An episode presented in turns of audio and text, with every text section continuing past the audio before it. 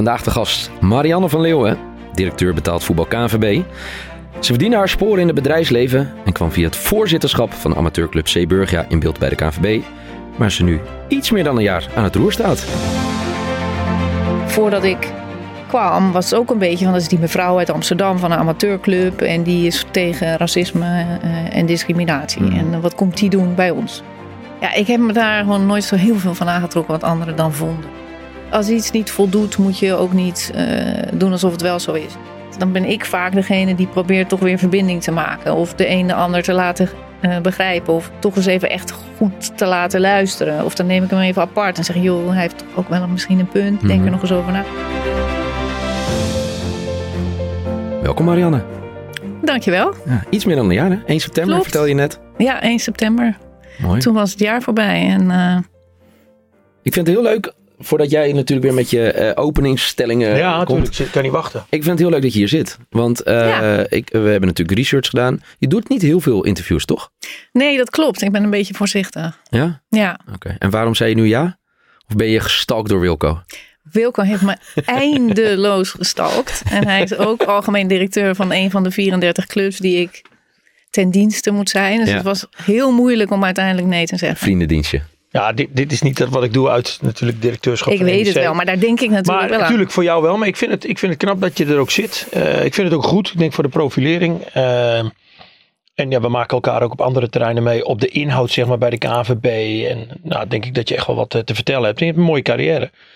Dus eh, ik denk dat jij niet mag ontbreken in deze, deze serie. Nou, Dus ik vind het echt top dat je er bent. Vind ik lef. Eh, maar daar gaan we het straks nog wel meer over hebben. En ik zei het, eh, ik moet wel zeggen, we kunnen we gelijk een compliment geven. Beste sneakers tot nu toe. Ja, je kreeg wel een compliment van die. Ja, zeker. Ja. Ja. jij, jij, jij- jouw oog valt daar niet op, maar zo kan je wel ook. In, eh, in jouw vak moet je volgens mij over heel veel van dat soort dingen nadenken. Wij als man ook. Wij zijn natuurlijk verschrikkelijk ijdel. Dat heb je al gemerkt. Al die directeuren zijn natuurlijk zo ijdel als wat in het maar voetbal. spreek voor jezelf, hè? Eh, laat ik dan voor mezelf spreken. Maar, maar eh, eh, kleding, uiterlijk, schoenen. een, een dame in het voetbal. Maar zeker ook als je veel in de media bent. Let je erop. Doe, denk je elke dag na? Nou, ik let wel meer op dan ik ooit heb opgelet in andere, toen ik andere banen deed. En waarom? Nou, omdat ik weet dat er naar me wordt gekeken. Ik probeer er niet te veel vaak aan te denken. Maar ik weet dat het wel ieder moment kan. Zeg maar, dat er wordt gekeken van wie is zij en kan ze het wel aan. En is ze wel een directeur. Hmm. En tegelijkertijd ben ik wel heel blij dat ik in een, bij een sportbond werk. En dat ik gewoon sneakers aan kan. Deze die hebben de Leeuwinnen ook gekregen toen ze Nice. de uitzwaaiwedstrijd hadden eh, bij Nike. En ik was daar ook bij. En toen kreeg ik ze ook. En ik vond ze hartstikke leuk. Dus eh, Maar realiseer je ook dat bij een wedstrijd van het Nederlands zelf de, de camera eigenlijk continu op jou gericht kan zijn? Ja, ik denk er niet de hele tijd aan, maar het is wel zo dat voordat ik erheen ga, dat ik altijd even kijk, moet ik me even opmaken, doe ik mijn haar naar achter, want dan heb ik zo eh, wat jij zei, dan zie ik er beter uit. En eh, dus voordat ik naar zoiets toe ga, dan denk ik altijd wel even, eh, hoe zit mijn haar, hoe ziet mijn gezicht eruit? En tijdens zo'n wedstrijd, eh, een dame die daar zit, droge lippen, lipglosje. Mijn vrouw doet het ook wel eens. Zegt, doe, doe dat even in de rust. Hoezo? Omdat you never know wat een camera. En er kan elk moment kan daar een verhaaltje van gemaakt worden of wat dan ook. Eh, je ziet ook heel vaak sommige directeuren of technisch directeuren. Hun vrouw zijn nog bekender dan de technisch directeur. Da- daar ben ik me altijd zit, bewust jouw, zit jouw vrouw ernaast? Die zit, die zit naast mij. Als ze meegaat wel ja. Oké. Waarom zou ze weg? Nee, ik vind gewoon, die moet dat ook meebeleven. En die moet het voelen wat ik meemaak. Ja. En die gaat niet altijd mee. Maar, eh, Maar je kan ja, het ook te ver in doorslaan, toch? Dat jouw vrouw, als zij droge lippen heeft, geen lipgloss op kan doen, omdat er wellicht een camera op staat. Ja, maar bij NEC zit ik eh, bij een skybox. Ja. eh, waar mensen ook bij ons. We hebben een terras, dat is vrij uniek bij NEC. Daar staan mensen met een glaasje bier of een wijntje. En wij hebben ook een skybox waar gewoon mensen om ons heen zitten. Ik zit altijd naast de sponsor van de eeuw, Frans Hendricks. En Ted van Leeuwen zit links voor mij. Mhm. Wij zitten in die skybox, want dat is bovenin. Kunnen het snelst weg. Beste overzicht. Maar er zitten mensen om ons heen ook te drinken. Nou, ik zeg altijd tegen Monique van, eh, bestel nog niks. Nou, dat doet ze ook niet. Ik vind niet dat mijn vrouw met een glas wijn, waarbij al die mensen op die box, dat mag ook gewoon. Dat, tijdens de wedstrijd niet. Eh, dat kan niet. Dus daar denk ik over na, Niel. En denk jij er dan over na? Want dat was de vraag natuurlijk. Als het een beetje droog weer is om een lipglossje te nemen of niet? Nee, ik ben niet zo heel erg goed in eh, lipgloss en lippenstift en zo. Ik ben eigenlijk, ik ben me pas een beetje gaan opmaken sinds ik deze baan heb. Maar wat is dat toch? Ja, ik weet het niet. Nee, maar ik hield er gewoon nooit zo van. Maar- Maar, wat, wat ik wel heb gemerkt, en dan word ik ook nog wel eens voor gewaarschuwd, dat ik soms even zit te appen onder een wedstrijd of zo. En dan word ik op mijn schouder getikt door mijn vriend die achter me zit, was laatst nog een keer. En die zegt dan, hé, hey, niet doen. Maar jij kiest ervoor dat je vriend dus niet naast je zit. Hij gaat vrijwel nooit mee, sowieso al. Ja. Maar als hij meegaat, ga ik hem niet naast me zetten. Nee. En dat is dus wel echt voor beeldvorming. Ja, want dat bobo's van de KVB met hun partner naast zich, dat is, vind ik gewoon geen goed beeld. En ik vind het ook in de meeste gevallen beter om gewoon alleen te gaan. Oké. Dan, In mijn functie dan, hè? Ik bedoel, Maar je bent ook aan het werk, hè? Laat eerlijk zijn. Kijk, als wij een wedstrijd kijken, dat beleef ik ook zo. Ja. gastvrouw. Ik bedoel, als het Nederlands elftal speelt, ben ik Hmm. een soort van eindverantwoordelijk voor die bijeenkomst en voor de wedstrijd Ja. en voor de gasten die er zijn. En ja, Maar is dat dan wel vind iets... ik het gewoon beter. Er komt om, veel eh, bij kijken. Dus hé, je moet nadenken op die tribune, wat we net zeiden. Je denkt veel meer na over je kleding. Is dat wat het zo anders maakt? Je hebt bij Reed Elsevier, je hebt echt een mega bedrijf. Je hebt aan, aan verschillende divisies daar leiding gegeven. 1500 man, 300 man. Nu kom je bij de. Mhm. En is dit, die verandering, is dat wat voetbal met zich meeneemt? Massamedia?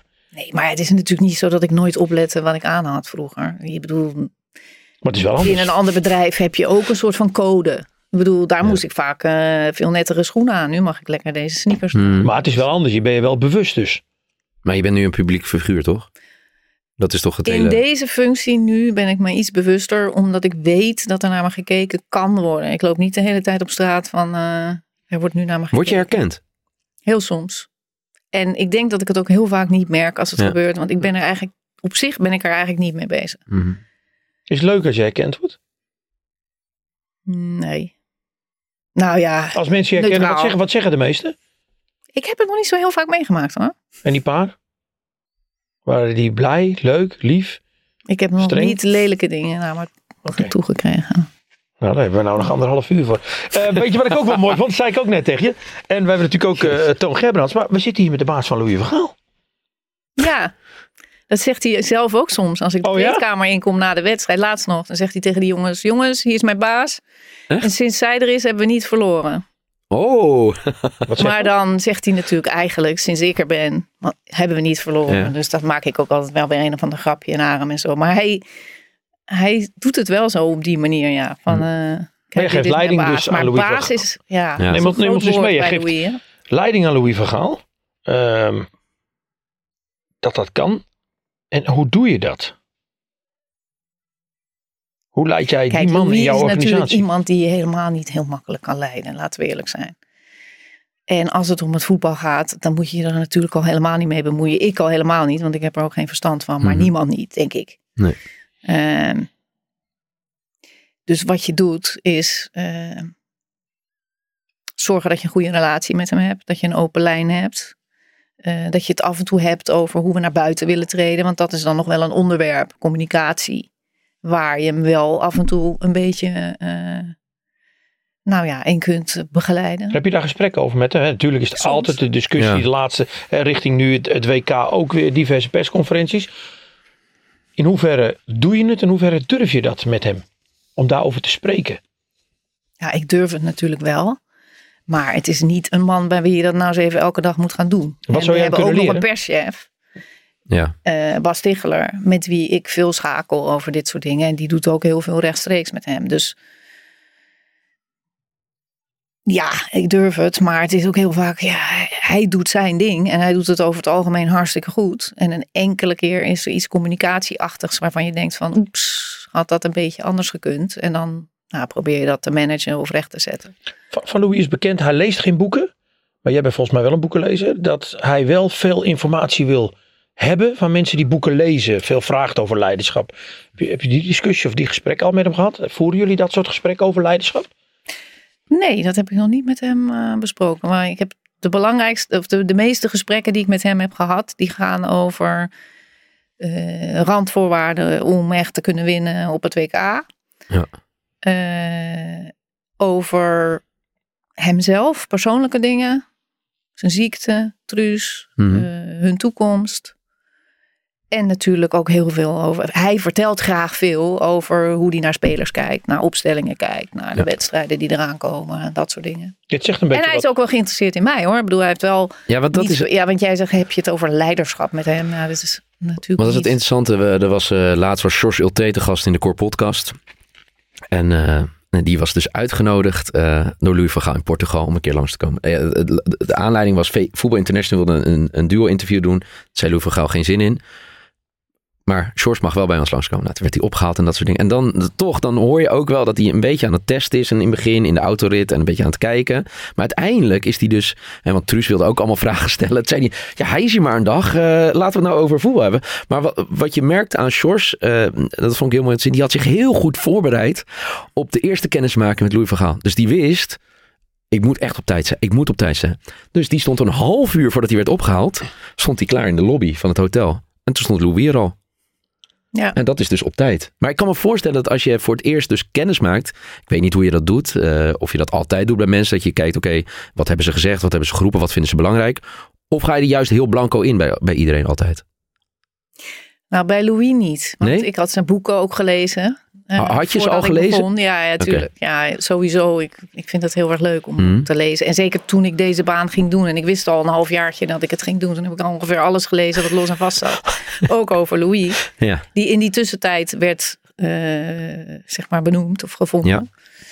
Ja. Ehm, dus bij hem had ik wel door dat ik er even dat ik even goed moest nadenken ook over hoe ik mezelf zou presenteren. En dat heb ik gedaan voordat ik begon in een eh, Teams of Zoom sessie in juli vorig jaar. Oké. ja. Ja. Ja. Ja, dat is, ik, ik vind het fantastisch als Louis, Louis van Gaal dat altijd, als hij dan facetimet, dat hij soms tegen spelers zegt dat hij gaat facetimen. Dat ik denk, Louis, iedereen van onze generatie weet hoe je moet facetimen. Want dat hij soms aan spelers gaat uitleggen hoe ze moeten facetimen. Dat hij gaat facetimen. Ja, ik vind het wel mooi. Het lijkt me fascinerend om een, een Zoom gesprek met Louis van Gaal te hebben, toch? Ja, het is sowieso, Ja, in die denk- tijd kon het niet anders. Nee, dat Dus snap toen, ik, maar het eh, is en toch fascinerend. in Portugal. Ja. En, eh, is het fascinerend om met hem te werken? het is leuk. Wat maakt het leuk? Nou ja, het is natuurlijk een man die voor elkaar krijgt. Hij is wel een echte leider trouwens, als je het over leiderschap Ja. hebt, denk ik. Want hij krijgt gewoon voor elkaar dat, dat er een, een echt team ontstaat, een groep eh, die met elkaar wil werken. En dat ze een doel hebben en dat ze allemaal net een stapje harder lopen voor hem dan ze voor een ander Maar zouden. wat- hoe zie jij dat, ja. hoe die dat doet? Hoe zie je dat? Wat zie je hem doen? Of je denkt, nou, Of eigenlijk, wat, wat leer je ervan dat je misschien toe kan passen op je eigen leiderschap? Nou ja, hij is natuurlijk een ongelofelijke perfectionist. Mhm. En hij is heel duidelijk.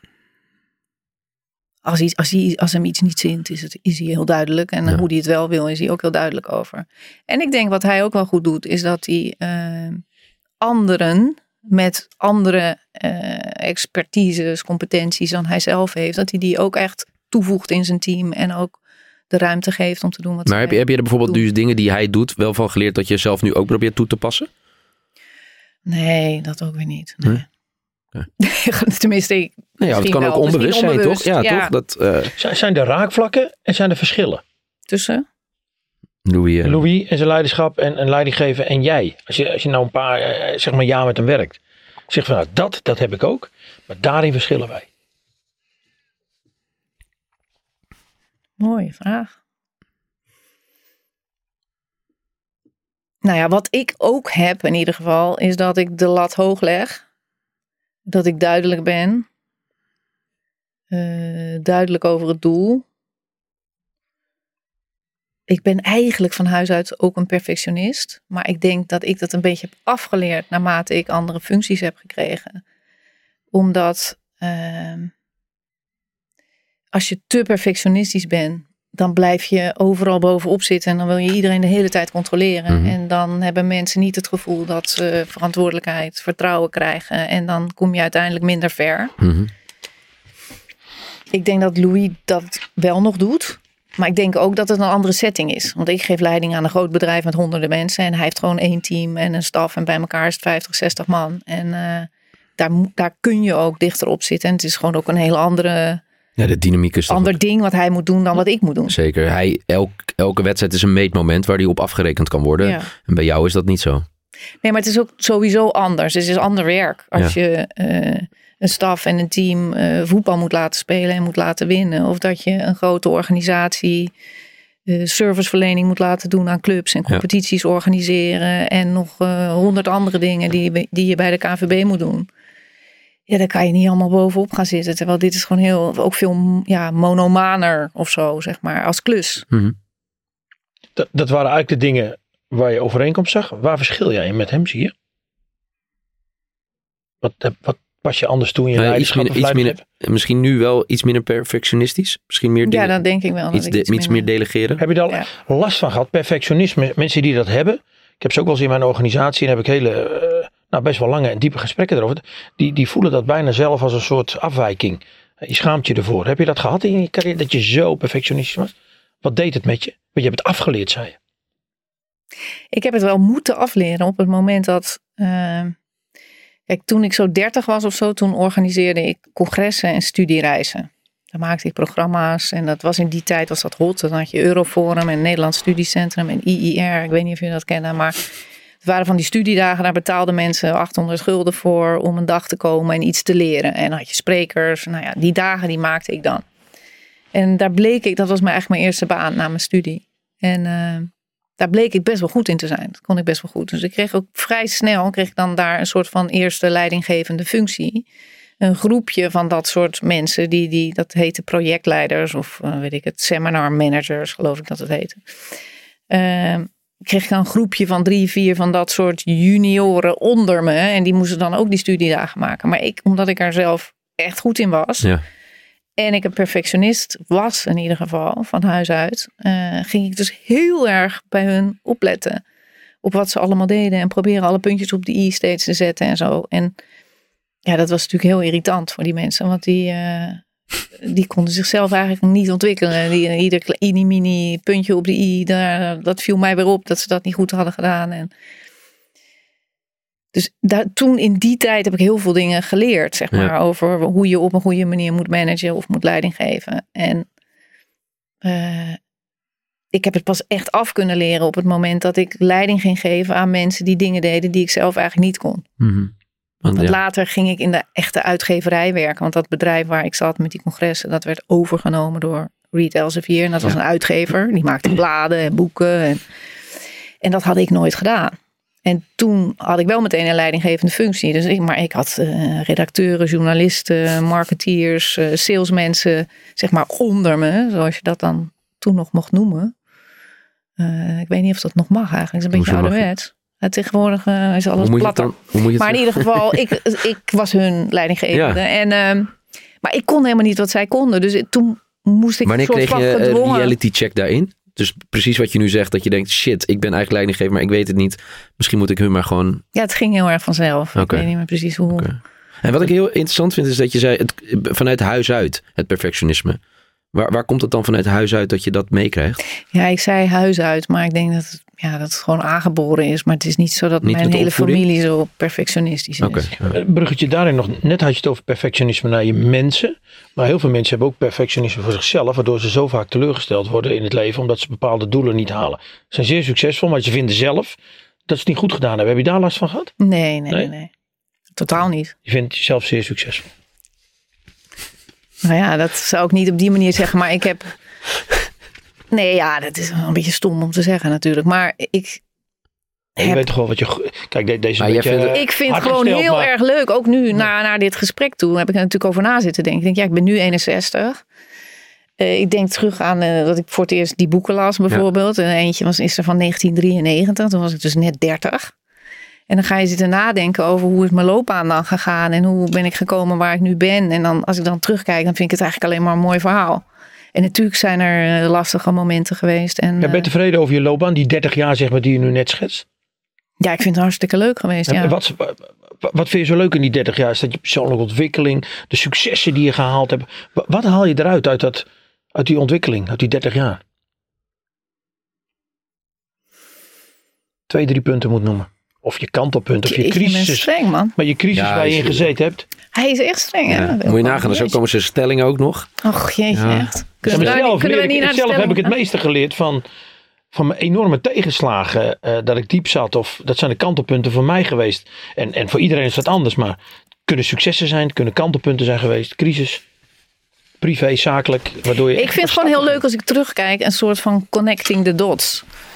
Van, eh, ik geloof dat Steve Jobs dat een keer zei. Dat hij nooit gepland had wat hij zou gaan doen. Maar dat hij later terugkeek en dat hij dacht... Hé, hey, Het is heel logisch. er zitten toch wel allerlei... En, en dat vind ik gewoon leuk om te zien. Van waar begon ik? Wat leerde ik toen? Was het logisch? Toen had je? ik een keer een coach. Eh, toen uh, die, die op mijn spiegel voor, daar leerde ik wat van. De volgende keer had ik een keer een, een leidinggevende die me gewoon in het diepe gooide, een grote kans gaf. Een tijdje later gebeurde er weer wat anders. Uh, mm. Toen ging ik per ongeluk bij Zeeburgia, uh, werd ik voorzitter, vrijwillig. Ja. Zeven jaar blijven hangen. En nu zit ik opeens bij de KVB in deze rol. Ik vind het gewoon heel erg leuk. Ja, we hadden in het voorgesprek erover. Uh, waren we ook even aan het appen. En toen zei van ja, het zijn de mensen waar ik het meest van leer, geleerd heb. Zijn de mensen die mij de kans hebben gegeven. Uh, leidinggevende weer van ja, jou. dat klopt. Is, is, dat misschien tekenend voor die 30 jaar? Dat je op het juiste moment de goede mensen tegenkwam. Of dat zij in jou geloofden? Nou, in ieder geval in die eerste periode, zeg maar, heb ik gewoon drie keer, denk ik, een, een baas gehad. Die precies op dat moment het juiste deed voor mij. Is dat geluk of dwong je dat af? Nee, het is geen geluk toch? Het is ook misschien wel een beetje geluk. Want ik bedoel, ik. Maar ik bedoel, die keuzes worden gebaseerd ergens, op uh, iets, toch? Het is ja, maar het is, als jij een trainer hebt, uh, moet je net als speler het geluk hebben dat die trainer die jou ziet zitten. Nee, zeker. Ja. Dus zo bedoel ik het oh, meer. Nou ja, ik was laatst Messi, oeps, Messi, niet om mezelf nou met Messi te vergelijken, maar toen Messi 17 was. Ik weet nu al de en, kop van deze podcast. En nog te klein. Nee, alsjeblieft. Maar uh, ik mocht toch censureren, toch? Ja, klopt. Ja, ja, ja. Maar uh, nee, maar die zegt wel, ik was 17, ik was nog te klein. Ja. En Rijkaard liet me gewoon debuteren bij Barça. Nou, dit is dan een voorbeeld van een hele grote speler. Maar zo zijn er bij voetballers iedere Tuurlijk. keer ook momenten. Je hebt gewoon nodig dat een keer een coach jou een keer gewoon de kans geeft. En, en was jij zo uh, iemand die van dat soort mensen graag wilde leren? Stond je open? Of heb je helemaal je eigen pad, je eigen opleiding, je eigen boeken gevolgd? Of heb je heel veel van leidinggevenden kunnen leren in jouw ontwikkeling? Heb je dat gebruikt?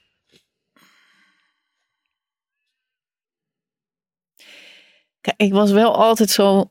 Dan werkte ik ergens en dan in, in het begin vond ik mijn baas interessant, maar na een tijdje dacht ik altijd: ik kan dat wel beter dan jij. Ja. Maar die eerste, dat was Wubbo Temple, die heeft me dus dit boek gegeven.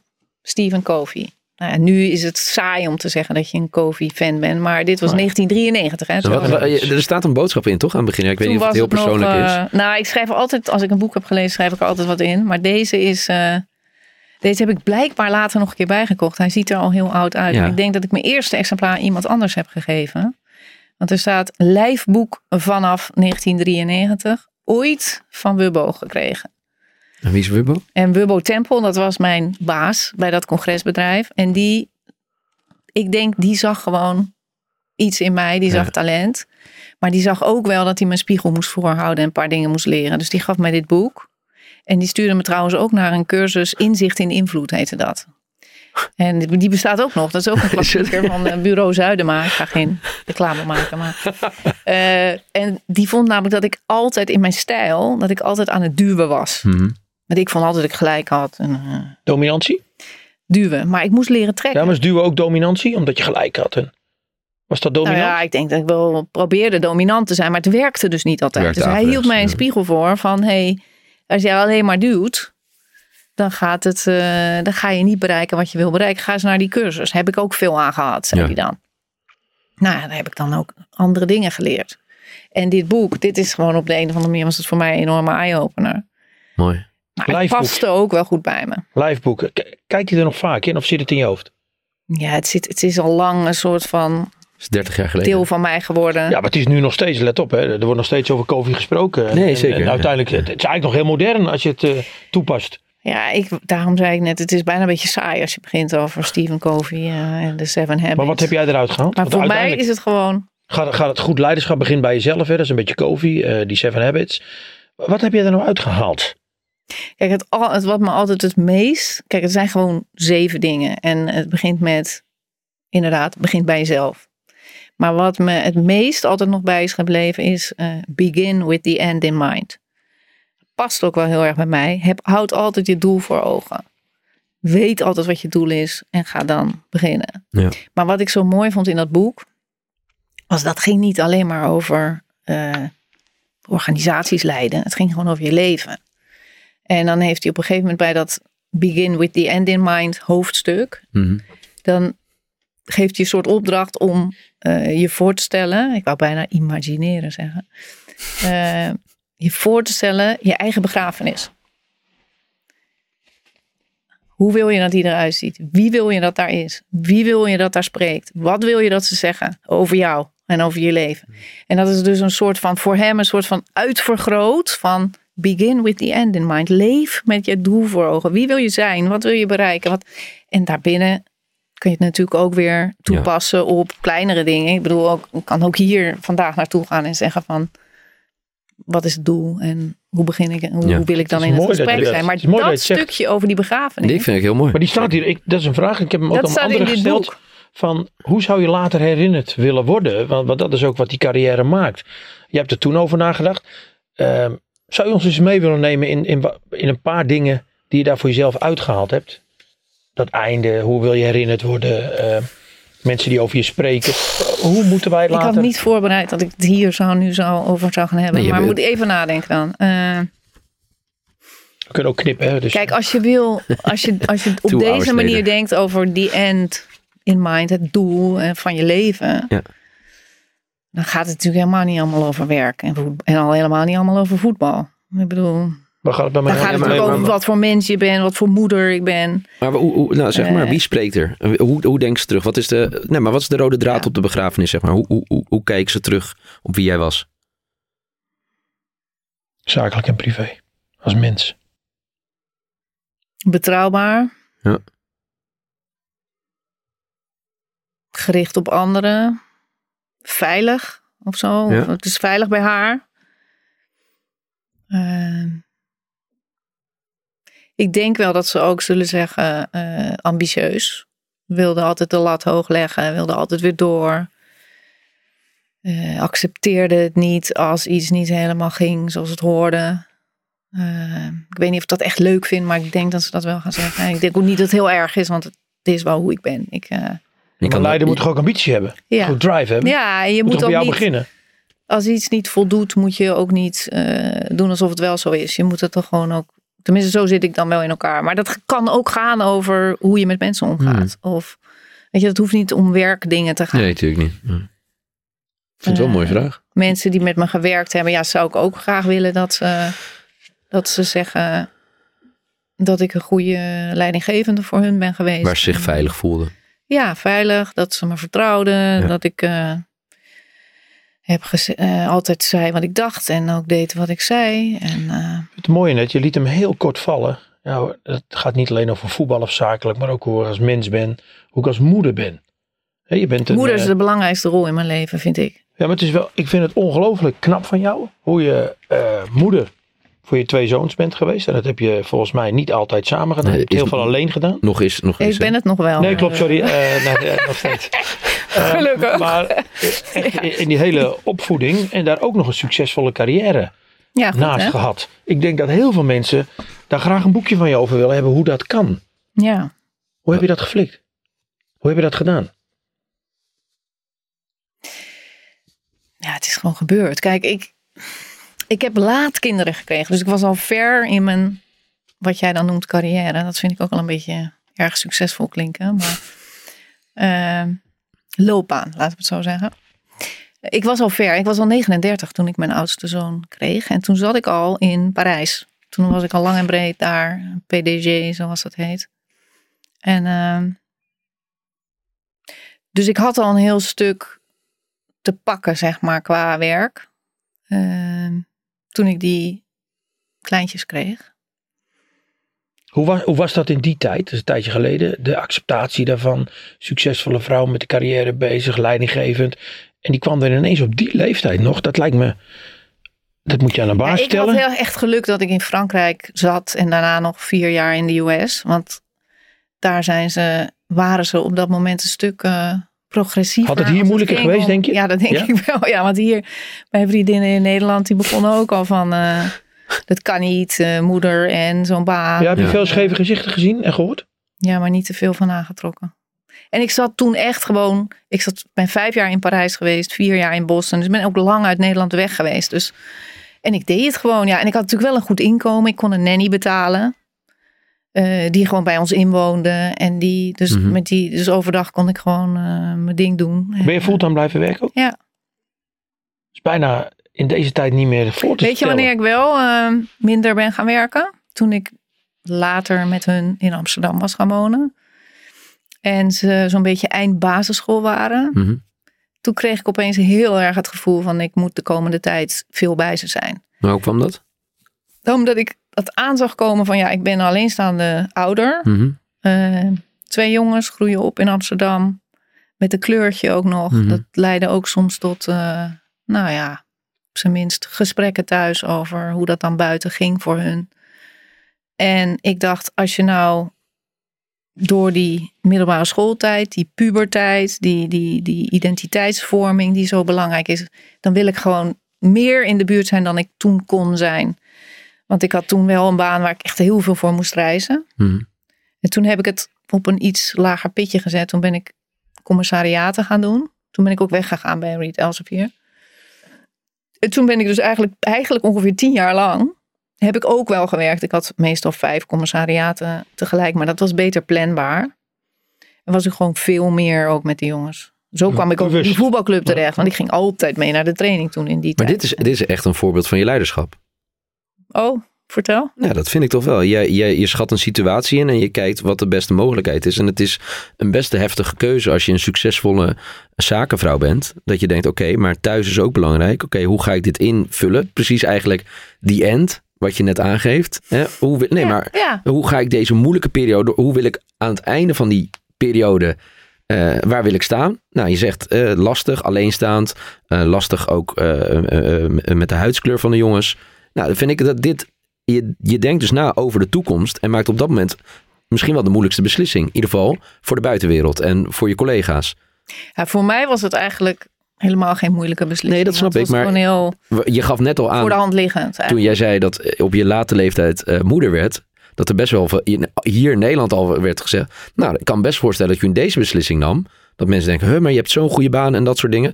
Weer de andere kant, ja. Ja, Ja. Toch? Weer kwalijk nemen, wat doet zij nou? Ja, hallo, ja. Ja, ik heb me daar gewoon nooit zo heel veel van aangetrokken wat anderen dan vonden. Of zo. Nee. Ik- het is je zit geluk gewoon geweest, zo- denk ik.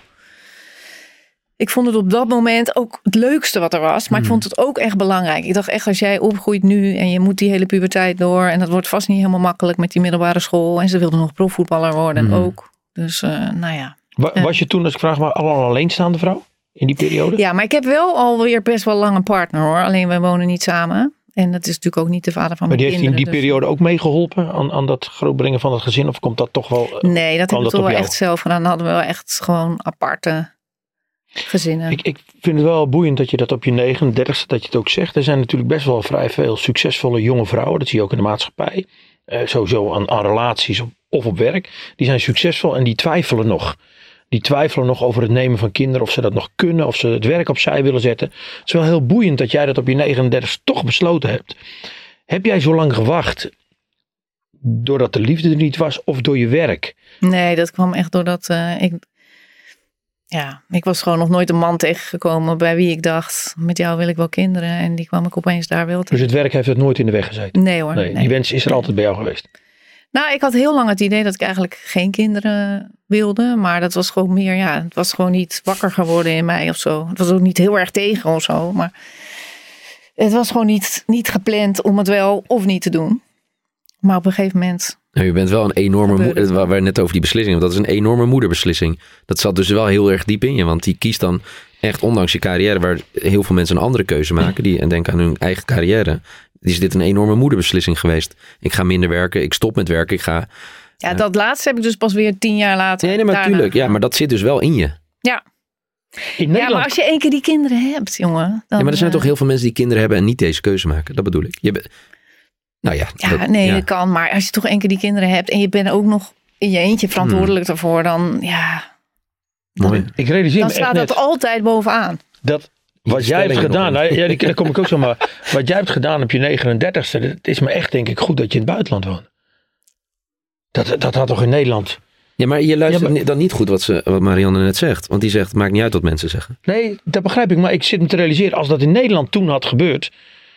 We hebben altijd zo gauw een oordeel daarover, maar jij bewijst eigenlijk het tegendeel dat een succesvolle zakenvrouw eh, met een goede carrière, door de juiste keuzes te maken, ook gewoon een hele goede moeder kan zijn. Want ik denk, als ik jouw kinderen bel, die twee jongens, je begint al te lachen. Dat heb je dus niet gedaan, of wel gedaan? Dat weet Marianne nog niet. Marianne, eh, Wat zullen ze zeggen over je als moeder? Want in dat zakenleven kunnen we ook iedereen bellen. Maar wat, wat Nee. zullen die twee kids van je zeggen? Nou, Wat weet- hoop je? Nou ja, ik weet zeker dat ze gewoon hartstikke gek op me zijn. En dat ze weten dat ik er altijd voor ze ben. En dat ik hun het belangrijkste vind van alles. En dat ze nu ook wel, want zij zijn, zitten natuurlijk in de voetbalwereld. Ze Ja. zijn nu ook wel echt trots op me. Waar voetballen ze? Eventjes. Eentje in Spanje bij een vijfde divisieclub, Ja. Los Barrios. En de ander bij FCM onder 21. En hoe trots is moeder dan ook? Ja, ik ben hartstikke trots op ze, ja. In Spanje kun je minder zien natuurlijk. Ja, ik ga volgende week eh, een weekje erheen. Eh, hebben En dan wel precies dat ik twee zondagen ben, want hij heeft wedstrijd op zondag. Dus Hebben de namen nog een betekenis? Eh, eh, toen je ze de naam hebt gegeven, Amadou en... Ja, Demba? dat zijn Malinese namen. Hun vader komt uit Mali. En, maar eh, betekenen die namen nog iets? ja, Demba betekent, nou ja, ik vind vooral dat het gewoon mooi klinkt. Het zijn hele mooie namen, ja. Maar eh, Demba is een, eh, de naam ook van een oude koning van het West-Afrikaanse Rijk. En Amadou is eigenlijk een verbastering van Mohammed. Maar is ook de naam van een schrijver die ik echt geweldig vind. Amadou Hampate Ba. En die had ik net gelezen ook toen ik eh, Afrikaans schrijver. zwanger werd. Een roman schrijven? Nou, hij schrijft eigenlijk eh, de geschiedenis van West-Afrika, maar dan op een hele mooie, beetje tussen fictie en non-fictie in. Heeft Heel Afri- mooi. Heeft Afrika je gepakt? Ja, Zit dat heel diep in je? ja. Wat doet dat met je? En waarom? Ja, in ieder geval de, de, de, de warmte van de mensen, het samen zijn, het vrolijke, ondanks vaak omstandigheden die helemaal niet zo fijn zijn. Eh, Het gastvrije. Ondanks het feit dat mijn ex en ik al heel lang uit elkaar zijn. Als ik naar Mali ga, wat ik wel eens doe. Want mijn kinderen die voetballen ook nog wel eens voor Mali. Ja. Eh, en dan ga ik er ook heen. En dan, ja, dan hebben we daar gewoon één grote familie. En dat is een heerlijk gevoel. Hm. Zo mooi De geuren, het eten, ja alles. Maar ik ben ook in heel veel andere Afrikaanse landen geweest. Ik ben echt gek op Afrika. Ik, ik heb dus een boek gelezen over een, een man die twee jaar daar woonde. Zijn vrouw werkte voor, voor de overheid daar in, in Mali. En eh, hij ging fietsen daar met Malinezen. Nou, als je dat boek leest, eh, het, is, het is zo mooi omschreven. Ja? Hij, hij, hij houdt van fietsen hier in Nederland. Maar daar houden ze ook van fietsen. Alleen het is even iets anders dan hier in Nederland fietsen. Maar als je dat dan leest, dan kan je... Ik ben nooit in Mali geweest. Maar je kan je precies wat jij nu omschrijft, zeg maar de warmte en de liefde. Ze hebben heel weinig. Maar wat, wat dan in dat boek naar voren komt, is zo mooi om te lezen. Ja, en ik heb dan dus een soort van het, de rijkdom dat ik daar via mijn kinderen gewoon een soort familie heb. Ja, Of zeker. eigenlijk Ja, familie heb. ja. Ze, ze gedragen zich al- alsof ik er nog steeds gewoon bij hoor. En dan leef je met hun mee. En dat is, ja, dat is gewoon mooi. Ik hoor je wel heel veel praten, net bij Vergaal ook als ik vroeg over eh, wat, wat zijn overeenkomsten, nou, de mens, hoe die met zijn team omgaat. En net zeg je ook Mali weer, de warmte van de mensen. Ik hoor je heel vaak praten over mensen. Ehm, is, is dat een belangrijk onderdeel als ik nu bij de KVB naar binnen loop? Dat ze zeggen, ja, ze heeft wel oog voor de mens, ze heeft wel oog voor mij. Zit dat in jouw leiderschap, die aandacht voor de mens of niet? Je praat er zo vaak over, een beetje tussen de regels door. Nou, ik hoop wel dat ze dat eh, inderdaad zullen zeggen over mij. Want ik vind het wel echt belangrijk. Maar ik ben ook heel... Ze, ze vinden me soms ook heel zakelijk. Dat heb ik bij de KNVB ook gemerkt. Dat, Maar dan, dan omdat kun je ik nog wel heel erg zacht op de mens zijn. Ja, maar niet iedereen heeft dat altijd op dezelfde manier. eh, Maar hoe door. ben jij, za- ben jij Nou ja, zakelijk in de zin dat ik heel doelgericht ben. En als er een vergadering is, dan weet ik altijd precies waar het over moet gaan. En dan zeg ik, jongens, het doel van de vergadering is dit. En dan koetjes en kalfjes ben ik niet zo goed in. Mhm. Dat gaat niet. ik- Als ik in mijn zakelijke modus zit, dan ben ik behoorlijk rechtdoor. Mhm. Focus op het doel. Wat gaan we vandaag bereiken? Dit is de agenda. We moeten ook op tijd klaar zijn. Weet je, dat ben ik ook. Ja. Maar als jij s'avonds met je vriendin of met vrienden aan tafel zit, dan kun je wel een beetje van de en kalfjes. Kun je ook wel even, af, even rustig. Of gaat het dan, moet altijd ergens omgaan met een wijntje erbij. Bam. Of kun je wel over koetjes en kalfjes Nee, ik ben wel iemand die heel. ehm, die de, eh, zeg maar, de intieme relatie, maar dan bedoel ik gewoon de, hoe noem je dat? Vertrouwelijke Ja. relatie met anderen. één op één vind ik echt geweldig. Eh, dan kan ik ook best wel diep gaan. Ehm, maar in werksituaties gaat het meestal over wat er voor werk moet gebeuren. Dus Mhm. dan gaat het daar niet over. Ben je kwetsbaar, zeg maar, op de werkvloer? Soms, ja. Ja? Ja, niet de hele tijd natuurlijk. Nee. Nou, ja. Ja, dat weet ik niet. Ik heb wel eens gehuild in vergaderingen. Overigens nog niet bij de KVB. Maar vroeger heb ik wel, we, dat maak ik Maar wel wat, waarom, waarom zou je, om, om wat zou je kunnen huilen? Zeg maar, waar, of waar, Ja, ik zit nu te denken, want ik weet dat het wel eens is gebeurd vroeger. ja. Ik zit te denken wanneer dat dan is geweest. Nee, maar je kunt wel eens als je iets... Als je bijvoorbeeld echt ergens... eh, Boos? Woedend? Teleurgesteld? Waar zit dat dan? nee, als je iets echt wil bereiken Mhm. en je zit, je zit echt met je hart erin en je wil het echt uitleggen en die ander die, die, die begrijpt het niet, zodat je dan opeens een broek in je keel krijgt of zo. Ja. Dat heb ik wel eens. En dat uitzicht, denk ik, ik denk dat vrouwen, als we het gaan generaliseren, dat vrouwen zich dan ook weer anders uiten dan mannen. Mannen kunnen misschien wat agressiever worden of bozer worden, terwijl jij misschien dan een brok in je keel krijgt. Ja.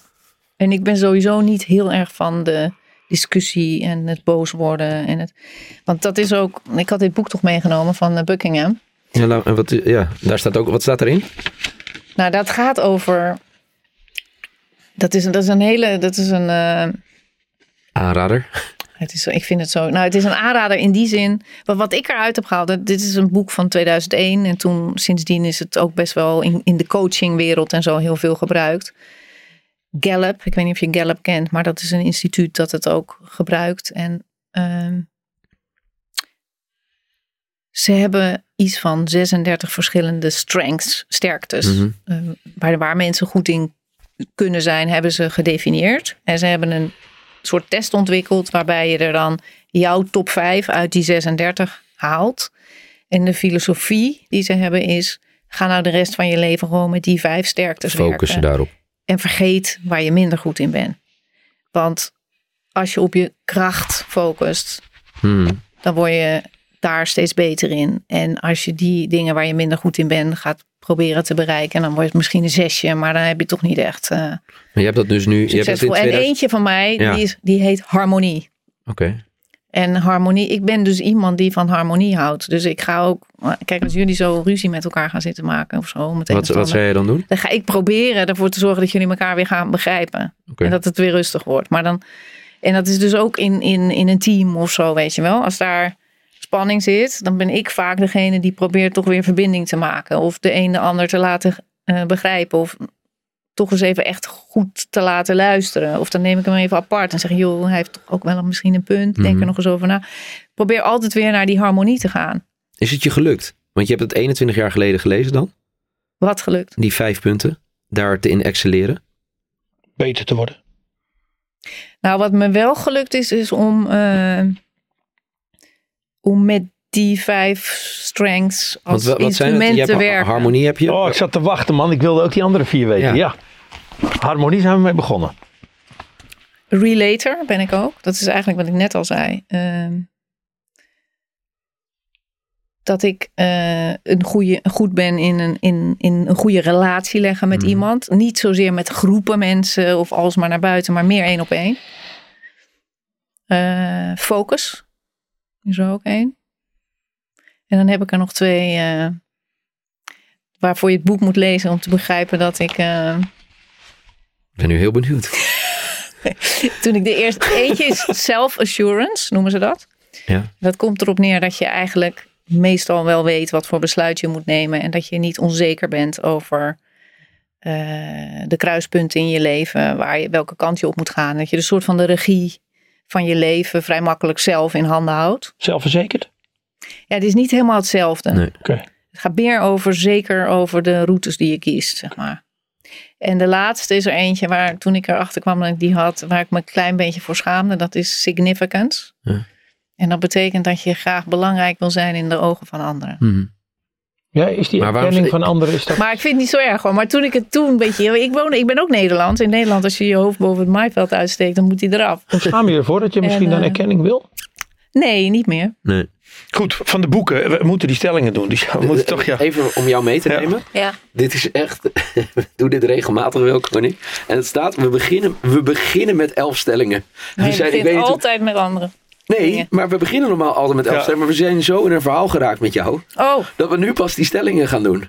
Dus eh, nou, ja, heel mooi. Hoe ervaar je dat als positief of negatief? Dat we eerst met andere dingen beginnen. Nou, ik, we zaten gewoon leuk te kletsen, Ja, toch? toch? Ja. Ja. Nou, Zit je nog een beetje op je gemak of niet? Ja, ja, ja. ja. Ja? Is het nog uit te houden met ons? ja. Oké. Af en toe ben je een beetje eh, duw, duw, duw. Maar, Is het zo? Ja, vind ik. Nou, vooruit. Ehm, elf stellingen, ja of nee? Ik ben een geboren leider. Ja, Ik ben een autoritair leider. nee. Ik ben een empathisch leider. Ik hoop het. Ja of nee? antwoord. dat, is, dat is een ja. Weet niet zo helemaal. terug. Soms Ja, die wel, komen zo soms, terug. echt, Nee, dit is- soms wel, soms niet. Ja. Dat is eigenlijk wat ik net ook al zei. Ik weet wat mij drijft als leider. Dat weet ik niet. Net zei je in dat boek Focus en dat soort dingen. En Wat me drijft. wat je drijft als leider. Ik weet wat mij drijft als leider. Is dat iets anders dan ik weet waar ik het voor doe? Ik weet wat, Ik weet wat ik wil. Ik weet waar ik naartoe Ik weet wil. wel vaak waar ik naartoe wil, ja. Maar ook een beetje. Nou, vooruit. Mijn manier van leiderschap levert succes op. Ja, Ik laat ook mijn kwetsbaarheid zien als leider. soms. We hebben er hoop om op terug te komen bij jou. Zeg. Eh, de vorm is belangrijker dan de inhoud als leider. Nee. De leider is meer bepalend voor het resultaat dan de visie die hij of zij heeft. Leiderschap, de leider is meer Ja, bepalend. die had je me ook al geappt, deze. Toen Ja. dacht ik, jeetje. Ik zou jou dus eh, even lekker over Toen wilde na ik te bijna afzeggen voor dit gesprek met die stelling. Toen wilde ik bijna weer afzeggen. Ja, we hebben verschillende antwoorden. Af Verschillende- willen zeggen. eigenlijk. Ik vind het heel knap dat je er zit. Maar De leider is meer is bepalend voor het resultaat ja, maar dan de dat visie.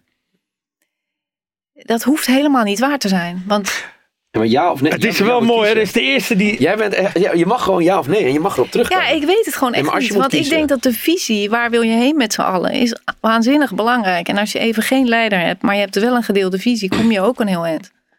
Maar wat is belangrijker, denk je? Ja, dan denk ik toch de visie. Oké. Mijn leiderschap... Nee, ja. Ja, klopt. Mijn leiderschap heeft impact. Ja, Als ik premier van Nederland zou zijn, zou ik het heel anders doen. ja, Ik heb wel eens gefaald als leider. ja, tuurlijk. Jij hebt een heel lijstje staan. Mag ik er eentje van je pikken? Ja, tuurlijk. Waar je het snelst op reageerde. Dat is, als ik premier van Nederland was, zou ik het heel anders doen. Ja, Ja, zei heel snel ja, klopt. Niels, heel scherp. er was echt geen enkele twijfel over. Nee. Nee, want ik vind dat hij het heel slecht doet. Ja, Ja, dat, anders had je geen ja gezegd. Maar waarom?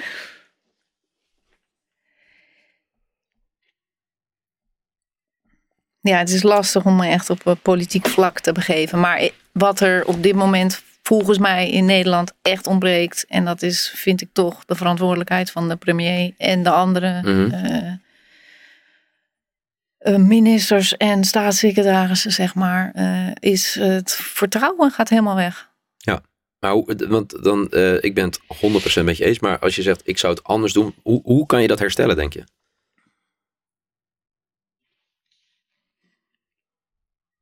Weggaan, Gewoon ruimte maken. ruimte maken maar dit voor zegt- iemand nieuw. Het is niet meer te herstellen. Door deze persoon. Ja, de vertrouwens. Maar ik heb echt geen zin om heel lang over Rutte te praten, eerlijk gezegd. Nee, dat hoeft Nee, meer over het Maar- land. Over het land en over leiderschap natuurlijk. Ja, Van oké, het gaat over leiderschap. Het gaat niet over of jij de, de stikstofcrisis Kijk, anders zou als doen. je nou hebt over leiderschap en wat belangrijk is, je moet weten waar je heen wil. Ja. Dus je moet een soort visie hebben voor de langere termijn. Wij, Nederland, waar zijn we over vijf tot tien jaar? Mhm.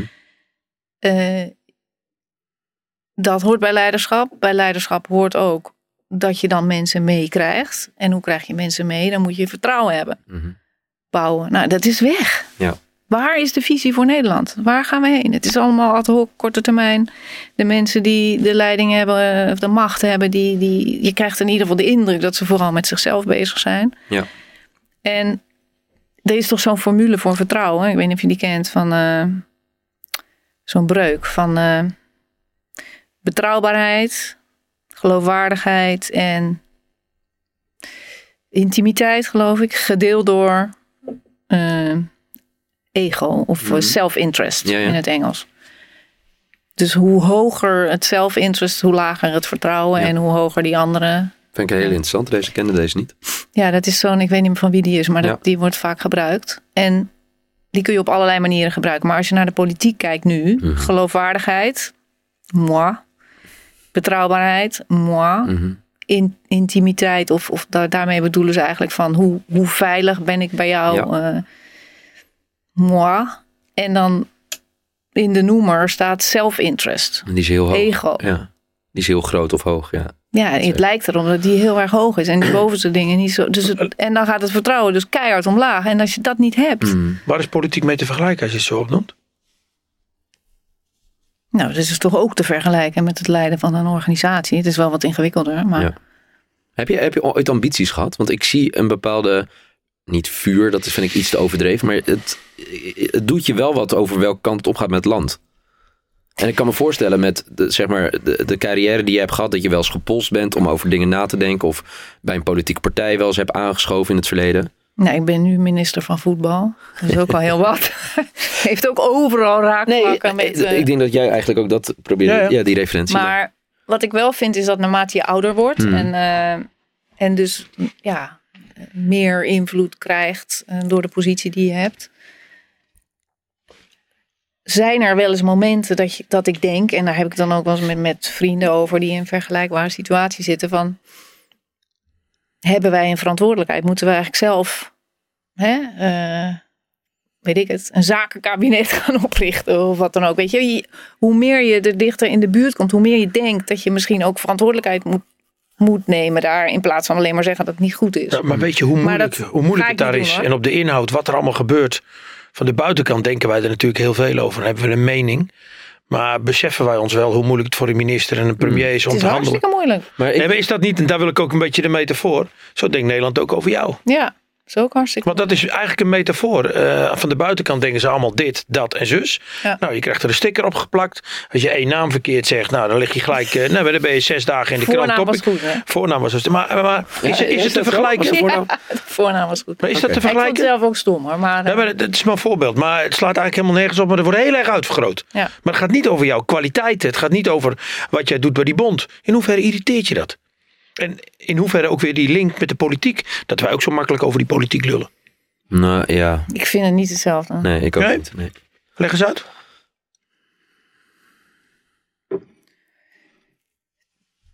Ik denk echt dat er in de Nederlandse politiek op dit moment iets niet oké is. En Hm? dat ons Ja. land niet goed wordt bestuurd.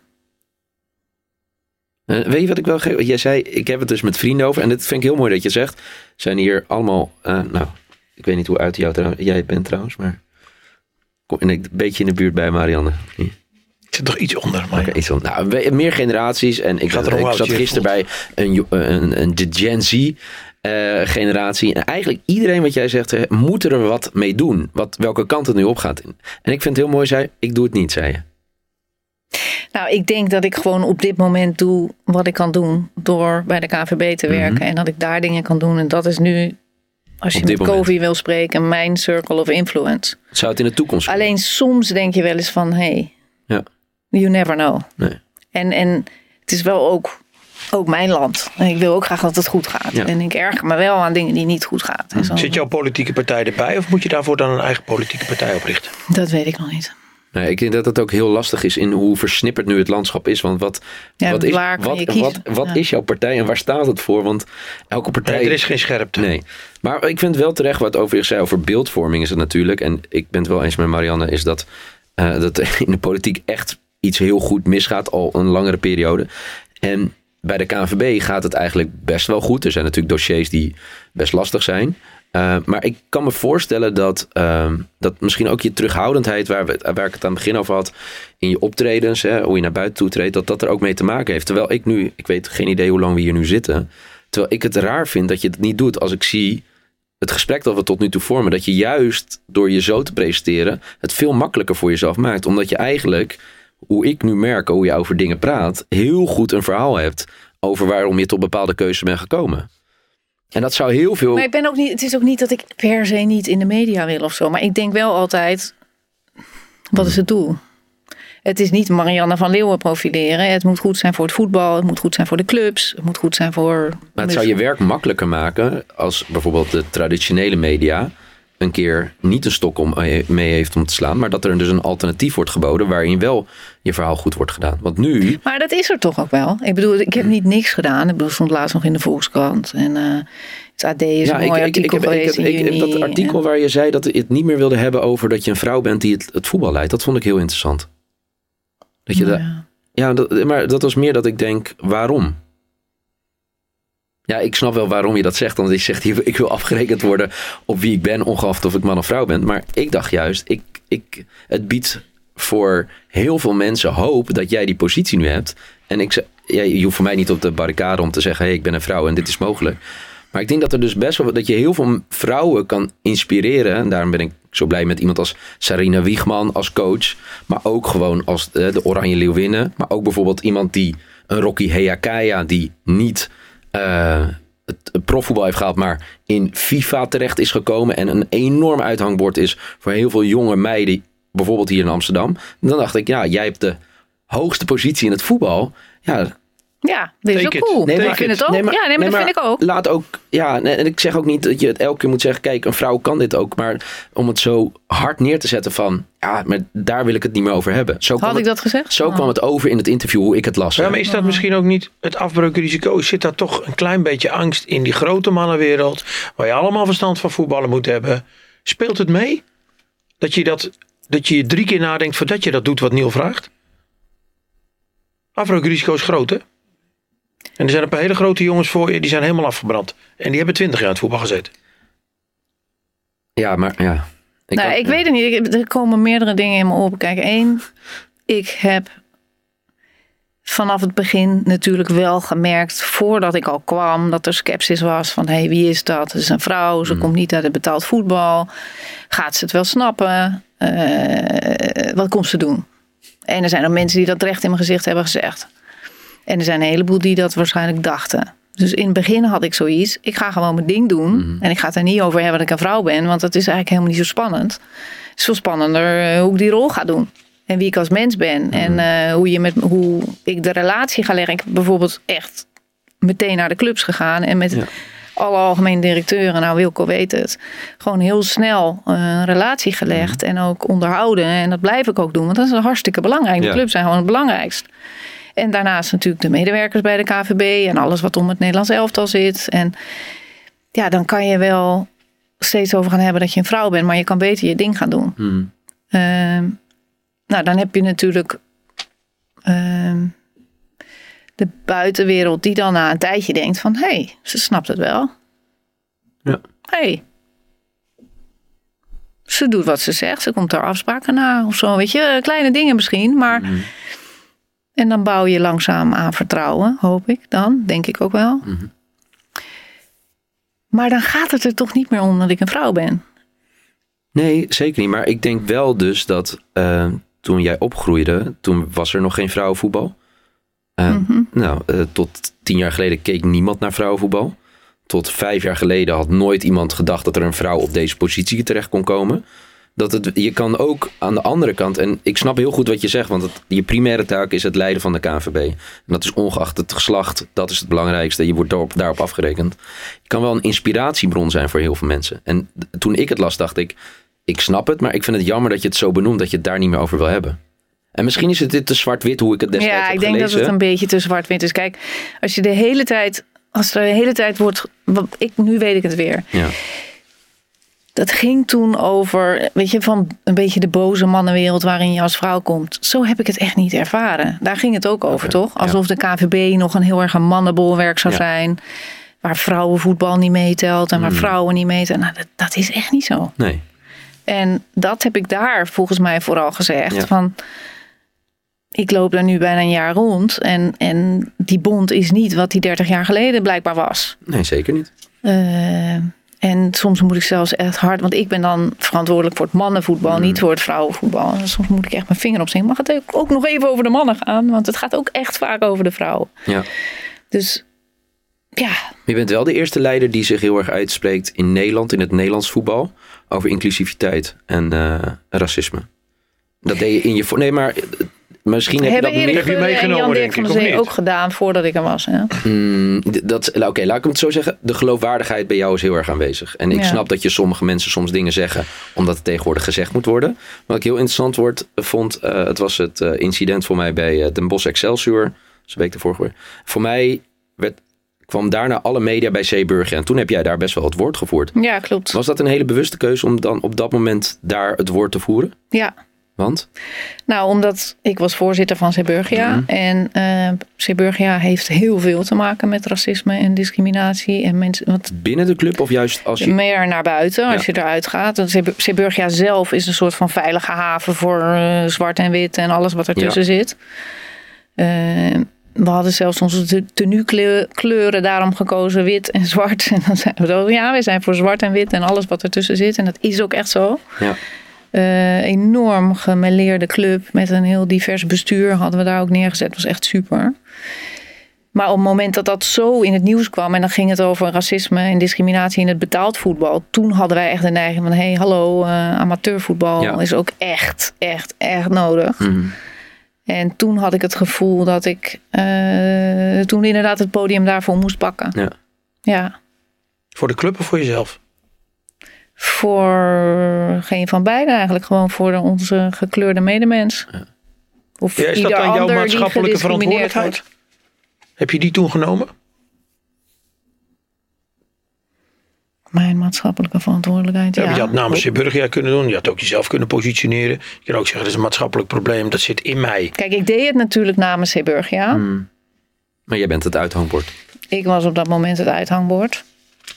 En het zit natuurlijk ook in mijn hart. Het komt ook recht uit mijn hart. Maar dat, zo omschreef, ik omschreef het niet goed. Dat merk ik heel erg bij jou. Het komt uit je hart over dit soort onderwerpen. En je zegt ook vol trots net, van een heel divers bestuur. Ja. En als je nu kijkt bijvoorbeeld, eh, de RVC en de directie, is alles beha- behalve divers. Is dat iets waarvan je denkt, dat zou heel mooi zijn, weer hè, als we het zeggen over die, die end Ja, straks, ja. dat we een heel divers directie RVC hebben, wat een veel betere afspiegeling is van de maatschappij.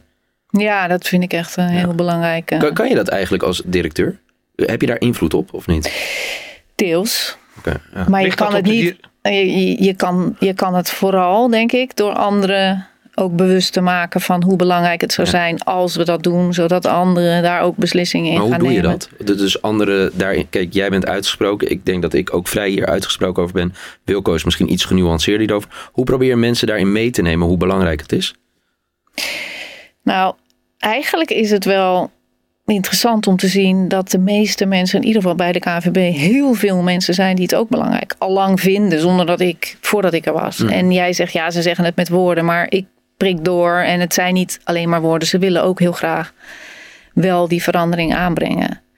En wat ik denk is dat je dan gewoon vooral met die mensen moet gaan zitten en zeggen van ja, maar hoe dan? En Ja. hoe gaan we dan zorgen dat het echt gebeurt? En dat is in de praktijk gewoon niet super makkelijk. En dat lukt je niet van de een op de andere dag. Maar je kan wel met elkaar een beeld hebben van over vijf tot tien jaar moet het er echt anders uitzien. En daar met elkaar over praten met mensen die in principe welwillend zijn om hun steentje bij te dragen aan het bevorderen van die diversiteit, denk ik dat dat beste werkt. Maar hoe terecht of onterecht is dan de kritiek die er nu vaak gegeven wordt, ook door oud-internationals. Eh, er zit geen donkere bondscoach, KVB heeft er geen oog voor. Elke keer als er een benoeming komt, popt dat weer op. Ja. Spreek jij dat soort mensen? Want uiteindelijk is dat een stukje stakeholder management. Die moeten toch ook begrijpen zoals jij het nu uitlegt. Want je legt het Ja, heel helder uit. spreken we veel. Ja, ik ook zelf. Ja. Maar hoe irritant is het dan, dat, als we van jou horen hoeveel jullie eraan doen. En dat het op de directietafel ligt. Om elke keer maar weer die publiciteit. Want dat zorgt weer voor onrust. En dan moet je je weer verdedigen. Ja, zo zie ik het toch niet. Ik denk. eh, kijk, Gullit had laatst in Helden dat Ja. gedaan, zeg maar. En dat is notabene, hij is commissielid van de commissie Mijnhals. Ja, dus ik had wel zoiets. Je had mij ook even kunnen bellen om te zeggen dat je dat ging zeggen. Maar ik ben wel gelijk naar hem toe gegaan. En we hebben vorige week met de commissie Mijnals een onwijs goed gesprek gehad. En ik heb bij al die dingen zoiets van. Het moet voortdurend geagendeerd worden. Dus ik vind het niet zo erg als dan iemand roept. En dat is voor ons dan weer, eh, en voor mij ook, weer de, Is dat dan wel dat Gelegenheid om harmoniemodel het, eh, van jou? Dat je dan denkt, eh, oeh.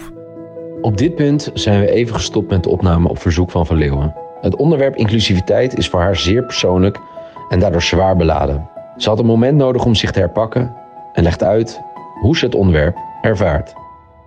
Eh maar Jan, ja, we, we zijn net even gestopt. Ehm, denk ik ook omdat je Niel en mij raakte. Ehm, maar het gesprek over diversiteit raakte jou persoonlijk. Ehm, we zullen er niet te lang meer op verder gaan. Wil je er nog iets over toevoegen? Je raakte ons ook wel met je reactie. Omdat het je toch diep zit. Nou ja, het raakt mij natuurlijk persoonlijk, omdat ik gewoon twee kinderen heb met een kleurtje die opgroeien in Nederland. Ik ben, kom zelf, ik ben zelf wit. Uh, ik kom uit een hele witte omgeving.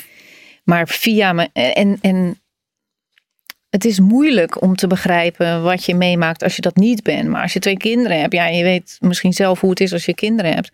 Je voelt alles met ze mee. Dus ik voel alles en daarom ben ik nog gedrevener dan ik eigenlijk altijd al was. Om mhm. toch dat onderwerp te blijven agenderen. En binnen mijn eigen circle of influence daar iets aan te doen. Dan ben je misschien bang dat omdat jij twee kinderen hebt die dat natuurlijk allemaal meegemaakt hebben. Dat heb je als moeder ook meegemaakt. Dat heb je ook geraakt. Dat zien we dus net ook. Maar ben je bang dat mensen dan denken, ja, daarom is zij de hele dag daarmee bezig. Terwijl ja, we net hebben nou, gehoord dat jouw leiderschap ja, veel breder is. Dat zeiden we net ook. En, en dat je op zoveel terreinen keuzes hebt gemaakt in je leven. Is dat dan dat je het misschien iets te veel op jezelf projecteert? Dat gevoel heb ik niet dat het alleen bij Marjan over diversiteit gaat. Ik vind ben je daar bang voor? Ja. Nou, ik weet natuurlijk, maar dat is natuurlijk het vervelende van nu deze banen hebben. Dat iedereen, het is een soort mijnenveld. Je hebt gewoon het gevoel altijd, er zijn altijd mensen die zitten naar je te luisteren of naar je te kijken.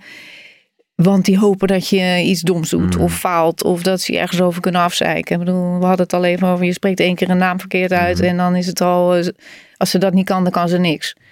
Dus uh, hierbij is ook een beetje. Want nou ja, voordat ik kwam, was het ook een beetje van dat is die mevrouw uit Amsterdam van een amateurclub en die is tegen racisme uh, en discriminatie. Mm. En wat komt die doen bij ons? Ja, als, als we het dan steeds over dat onderwerp hebben, wat mij inderdaad wel echt in mijn hart raakt en waar ik ook echt wel uh, nou, wat aan wil doen, maar dan, ja, maar kijk, Waar ik dan een beetje bang voor ben, is dat er dan weer. Dat hoor je toch mensen ook zeggen. Dat hoor jij toch ook wel eens, Wilco? Van uh, heb je haar weer met haar maatschappelijke agenda. Weet ze, snapt ze wel iets van voetbal. ik, hoor dat niet Terwijl ik ben er voor het voetbal, toch? Maar juist door. Kijk, in, ik snap dat je dit zegt, maar je focust je nu eigenlijk heel gechargeerd gezet op de witte boze man boven de 50 die dit niet snapt. Maar je kan je ook voorstellen dat er heel veel mensen in Nederland. Want onze. Ik, zeg maar, onze, de KVB, de leden daar, dat is een. Ja, dat alles is door elkaar. Alles door elkaar. En we hebben nu eindelijk iemand zitten die zich daar zo persoonlijk betrokken bij is. Dus dan ben je ook voor die personen juist een persoonlijk uithangbord. Tuurlijk, ja. maar, maar, ik schaam me er ook niet voor. Nee, nee maar omdat je nu juist zegt... Als het alleen maar daarover gaat, dan maar gaat we weer die andere... Maar wat ik dus... Maar, ik wil je niks meegeven, maar je, je focust nu op de negatieve reacties... die misschien door de, hè, door, de, door de witte boze mannen ergens worden geschreven of worden gezegd. Maar aan de andere kant, door je zo uitspreken, inspireer je. En krijg juist heel veel mensen die denken... ja, dat is ook mijn KVB. Want er zit nu iemand juist die begrijpt wat er echt speelt.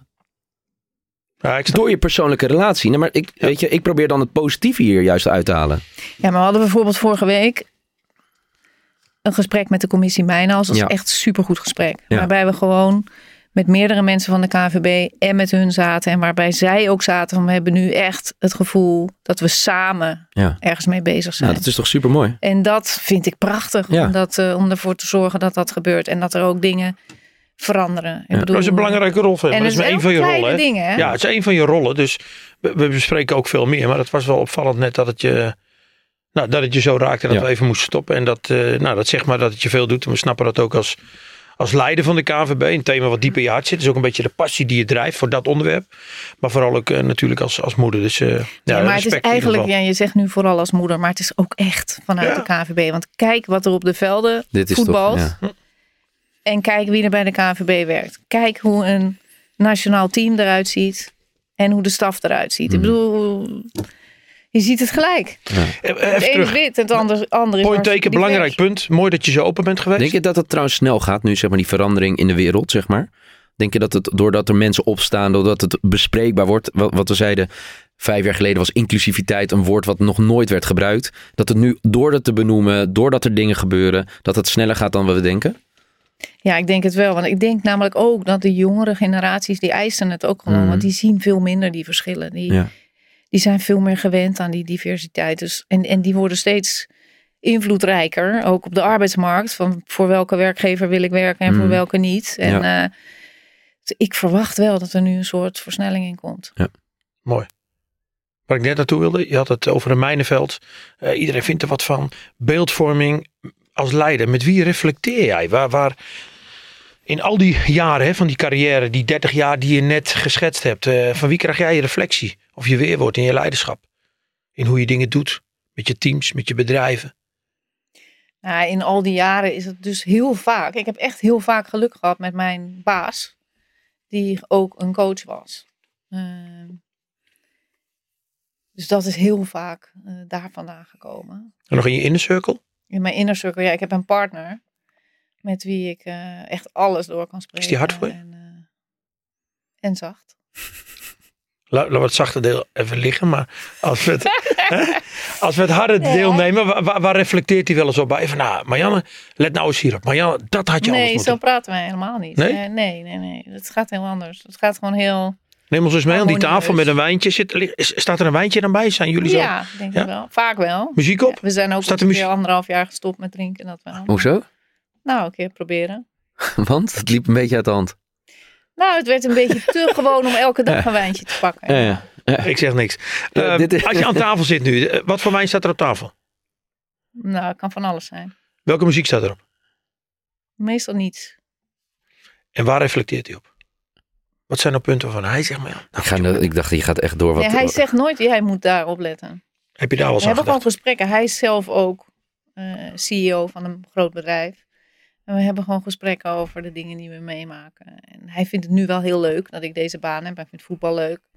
Dus hij vindt het nog extra leuk om ook een beetje mee te denken. Maar het kan me best ook wel voorstellen als je dat zegt, dat iemand heeft ook een, eh, een, een belangrijke functie, dat het voorheen, nou, waar waren jullie allebei succesvol in het bedrijfsleven, dat nu iedereen een mening heeft over jou. En dat, ik heb in het verleden wel eens gemerkt over, over praatprogramma's, dat juist de partners meer last ervan hadden, de pijn die ze voelden voor die andere personen, hoe er werd gesproken, hoe er mensen belachelijk werden gemaakt, hoe je werd afgeschreven. Kan me dat, dat, dat, die, dat het ook wel voor hem ook zoiets van heeft, ja, weet je, ik denk dat hij het heel leuk vindt wat je doet, maar inmiddels ben je ook heel vaak de kop van Jut. Ja, ik vind het dus nog wel meevallen. Ik ben er al meer dan een jaar. Ik ben er twee keer echt ergens belachelijk over gemaakt. En dat waren twee hele kleine dingen. Dat is heel goed dat je zo in staat. Ja, een beetje nee, van je af laten glijden. Nee, heel ja. goed. Dat valt heel goed. eigenlijk wel mee. Ik denk van nou, ik ben redelijk weinig kleerschoenen. Heb je kinderen er last van als voetballers?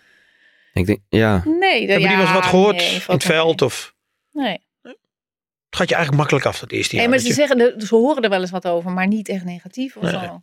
Nee. Even naar het Ze luisteren. zijn meer zo van, eh, toen ik de schaal mocht uitreiken bij Ajax, toen eh, kwam ik daarna thuis. Toen zat mijn zoon in de badkamer eh, op me te wachten, s'avonds laat. Mama, weet jij wel wat jij net gedaan hebt? Besef je het wel? Ga eens even zitten. Echt? Op de rand van het bad gaan zitten. Ja, helemaal van, je hebt de schaal uitgereikt. Jeetje, weet je, iedereen heeft het gezien. Ik krijg het van iedereen doorgestuurd. En ik had zoiets van, nou ja, klein klusje. eh, Dat soort dingen. Nee, het valt wel mee. Het valt echt wel mee. lu- luister je nou geen muziek bij gesprekken of ben je gewoon niet echt een muziekliefhebber? Jawel, ik hou wel van muziek. Wat voor In de muziek? coronatijd hebben mijn vriend en ik samen salsa dansen geleerd. In de woonkamer? Ja, Nee, gewoon op met YouTube? privé eh, Oh, zo. leraar met mondkapjes op allemaal. Dat is eh, echt lachen. Oh, ah, ik heb veel dingen gehoord tijdens corona, maar niet salsa les. Nee, Ja, dat en kun je het nu? Ja, ik kon het al een beetje, maar ik kan het nu ook. Dit is een houten vloer. Nee, ja. Nee. Nee. Eh, Nee. Wat? Oh, nou ja, als jij het echt goed kan, dan dans ik met je. Oeh, Wilco. Volgende vraag. Nee, nee, nee. Ja, dit op. is heel lekker. Nee, heel goed ja, dit- ja, ja, ja, ja. God, ja, assertief zeg jeetje. Even, wat is het resultaat als een Ik had bedrijf... best Wilco nu willen Ja. zien salsa dansen. Eh, ik doe alleen andere dansen. Wat eh, haalt een bedrijf binnen? Wa- Wat voor resultaat levert het op als ze jou binnenhalen? Wat beloof jij een bedrijf?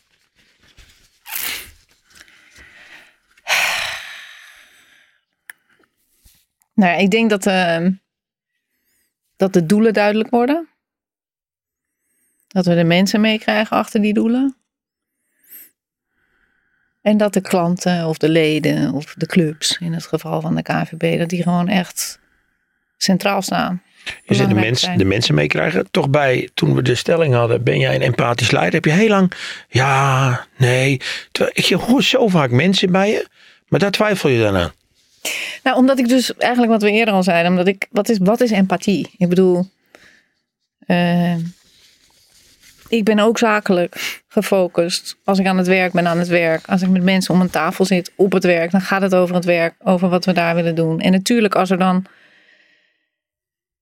opeens persoonlijk iets met iemand is of zo, dan kan ik opeens ook wel heel veel empathie hebben. En dan heb ik daar ook zeker aandacht voor. Maar ik heb ook die twee kanten wel heel erg. Dus Heb je aandacht voor je mensen buiten dat werk om? Nou, S'avonds een appje of eens een keer een leuk muziekstukje sturen of een, eh, een boekje met een voorwoordje erin.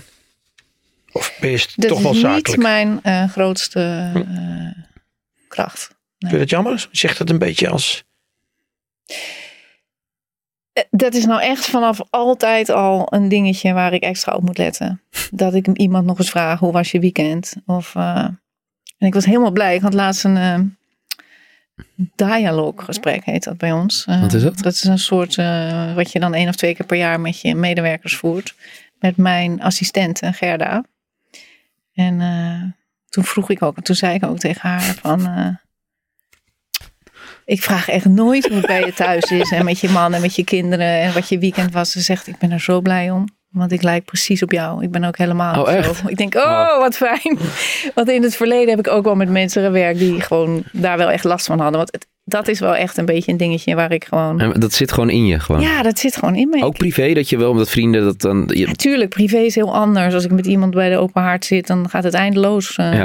Dan gaat het nooit over eh, zakelijke dingen. Of, maar ja, ik ben wel heel erg gewoon doelgericht. groot verantwoordelijkheidsgevoel in mijn functie. En ik wil graag dat het gaat over de dingen waar het over moet gaan. Ja. En dat als we aan het werk zijn, dat we aan het werk zijn. Ja. En er zijn ook nu bij de KVB mensen die mij echt vervelend vinden. Omdat ik gewoon niet zo heel gezellig ben. Oké. Ja. Zijn ook... Oh, Ja. Ga je ja, d- nee, wat, wat ik mooi vind, je bent van het harmoniemodel. Nu ken ik eh, redelijk wat bestuurders en dat soort dingen. Die, die gaan wel eens met de botte bijl in. Eh, nou, ik wil niet zeggen agressief, maar gewoon, eh, het, het is wel een, een nou, ik wil niet zeggen dat ze op een apenrot staan, maar er is best wel wat ego aanwezig en dat soort dingen. Hoe ga je daarmee om? Want eh, hoe, hoe, ik je tot nu toe heb leren kennen, ben je vrij rustig. Je zegt zelf, ik ben niet van het schreeuwen. Het conflictmodel geloof je niet heel erg in, volgens mij. Maar hoe ga je daarmee om als er aan de andere kant wel mensen zo zitten? Nou, bij de mensen met wie ik moet samenwerken, kom ik dat eigenlijk niet tegen. Daar kom ik veel meer tegen dat we met z'n allen dezelfde kant op willen. Mhm. En dat we ook eh, beseffen dat we elkaar aanvullen. Mhm. En in die zin is er dus ook wel een vorm van diversiteit, vind ik. Want er zijn wel echt bij de KVB ook, ook in ons team, zijn echt verschillende competenties, verschillende karakters die samen wel eh, Maar intern, niet extern. Stel dat. buiten. Ja, ja. eh, die, die clubdirecteuren zijn natuurlijk af en toe gewoon heel erg boos. Maar hoe ga je daarmee, terecht, soms maar hoe ga je daarmee om? Luisteren, bellen. Ik hoor dat je boos bent. Want vaak hoor je via via dat iemand boos is. Maar niet recht als ze tegenover je zitten. en zo- Sommigen, ja, sommigen zeggen het wel, maar anderen hoor je het over. En dan, eh, dan bel ik ze vaak op. En dan, eh, ik zeg vaak omdat het echt ook wel echt regelmatig voorkomt. Ja. Hoe En erg dan, vind je het dat het bij sommigen denk ik nooit meer overgaat? Want dat heb je in ons vak. Of ben jij dan toch nog diegene die denkt, ik ga dat toch nog... Ja. Ja, ik ga maken, dat ja? toch nog proberen. Ja, ik ben wel eigenlijk, ja, en misschien soms tegen beter weten in. Maar ik ben wel iemand die zal blijven proberen om de relatie toch goed te krijgen.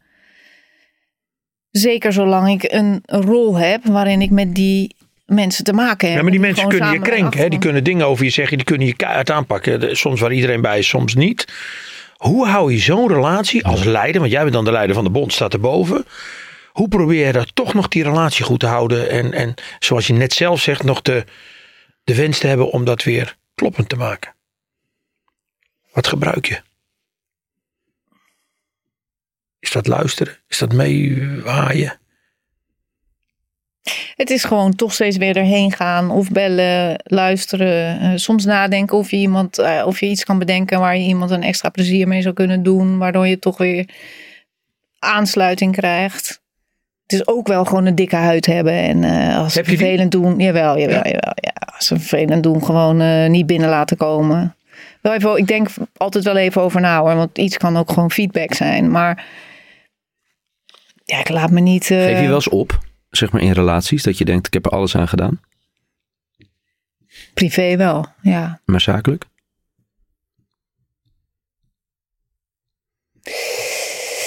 Ja, dat vind ik moeilijk, want nog niet in ieder geval. Je kan het bijna niet maken. Hè? Maar je kan het ook bijna niet maken. Want in het, als het nu Nee, maar even ik- gaat over de relaties waar ik, waar ik dan nu eerst Ja. aan denk. Dat is de relatie met de betaald voetbalclubs. Mhm. En dan met name met de directeuren. Want ik ben directeur betaald voetbal. En ik ben door hen op die plek gezet. Ik ben er voor hen.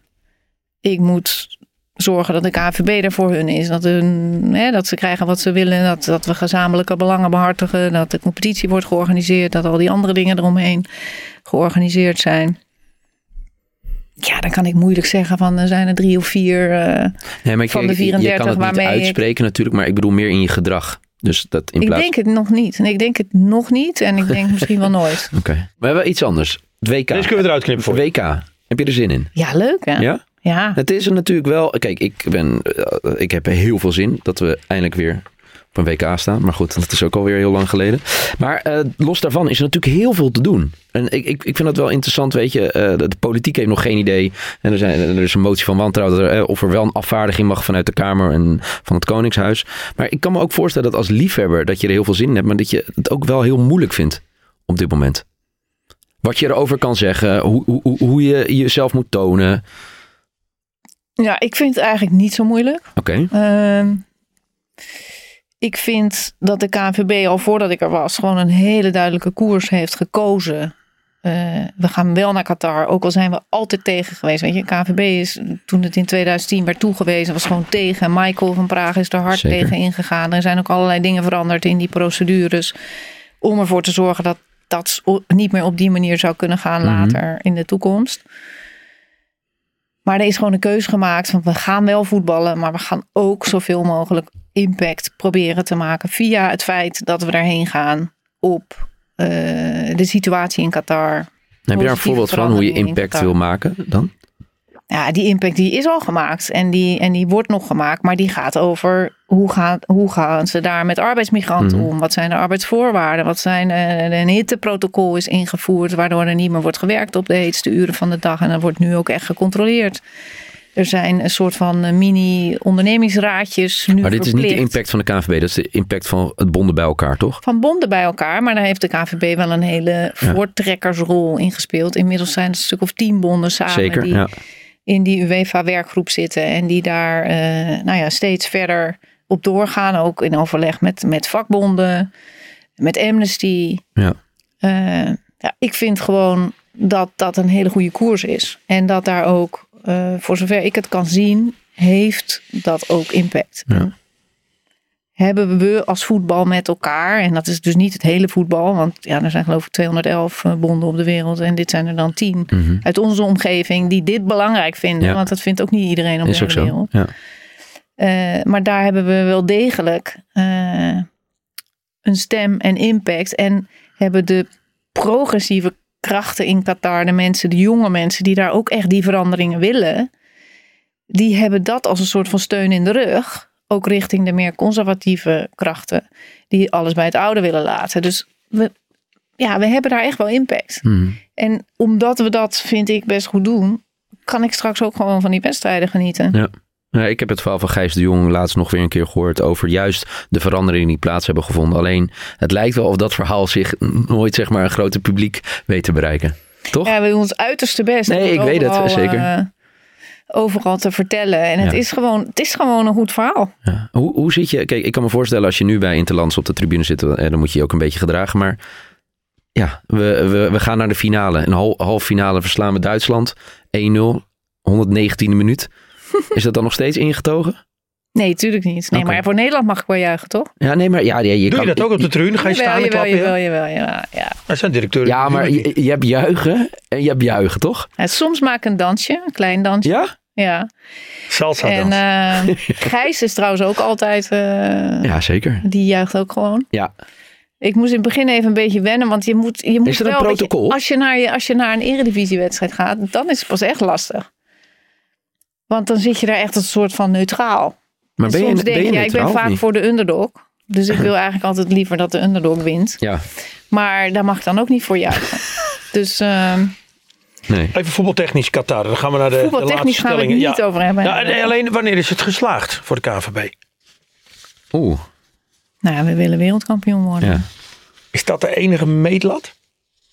Je legt altijd voor jezelf de lat hoog. Perfectionist moeten- van Gaal doet dat. We moeten in ieder geval, denk ik, en dat is niet heel, dat kan je niet heel hard maken, maar we moeten in ieder geval kunnen zeggen dat we er alles, alles, alles aan hebben gedaan om zo goed mogelijk te kunnen presteren op het WK.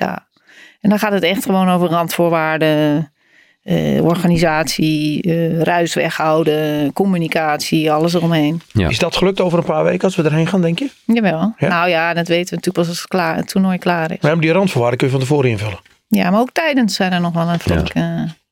Maar het, het liefste, de, de perfectionist Zo, nou ja, en de vrouw gewoon met drive, mogelijk komen. Is het wel... Ja, ga, jij gaat erheen, want zo ben je. Dat heb je ook in al die bedrijven gedaan. Eigenlijk maar met één doel, is een wereldkampioen te worden. Ja. Maar dan moet je toch stoppen. Ik bedoel, dan heb je een jaar en drie maanden er gezeten. Hebben nooit een interland verloren. Zoals Louis van Gaal zou zeggen. Het heeft dan ook met Louis van Gaal maken. Nee, je, je gaat natuurlijk niet stoppen. Maar dan, dit, dit zou natuurlijk... ja, dan ga je juist door. Imagineer je dit in Nou ja. wel eens dat we wereldkampioen worden? Ja? Jawel, jawel. Ja, het gek is natuurlijk ook dat je sowieso er ook echt over na moet denken. Want je zit naar die laatste week van december te kijken. Van stel, en, en daar zit ook de bondsvergadering en de AVBV. Oh, ik dacht dat je het had over de gracht hier. Dat ze dan Nou ja, allemaal dat bedoel ik. dichtgevroren Daar ga je is. dan, nou ja, dat, maar je zit ook gewoon in je agenda te kijken. Ja, ja. Van, eh, oh, dan komen we dus terug uit Qatar op die maandag. En dan hebben we dinsdag bondsvergadering. Wanneer moeten we dan huldiging doen? Scenario's. Even een andere. Mooi, want Jij zei, dan, dan moet je stoppen. Nee. Wat ga je hierna, Nee. wat ga je hierna nog doen? Nee, ik ga Wat zijn je dromen door. nog? Nee, ik ga gewoon dit heel goed doen. Ik heb op dit moment even geen andere droom. Ben je, eh, eh, ja, je, bent- je bent eh, loyaal aan je vorige werkgever. Heb je hier ook al, eh, ik weet niet welk boek het was, dat je een, een end al hebt geschetst voor jezelf? Wat, je- wat je graag bereikt zou willen hebben als je weggaat? Of dat je stopt? Nou, ik zou echt willen dat eh, als ik wegga, dat de leden en de clubs. Er zijn een paar dingen die ik wil. Ik zou graag willen dat de leden en de clubs dan echt gewoon zeker weten dat de KNVB er voor hun is. En niet een soort van machtsbastion wat zichzelf zo leuk In vindt. de Zeisterbossen.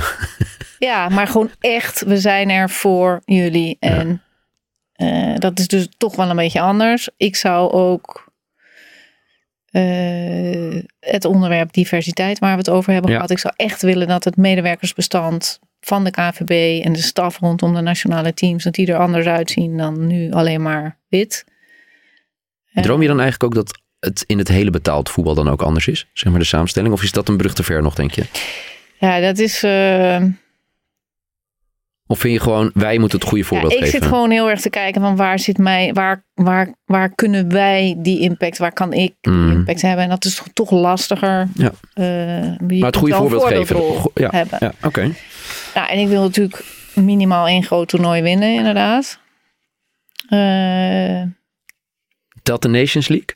mm, ja, vind ik ook. Volgend jaar een eigen Ah, je hè? maakt het jezelf wel heel makkelijk.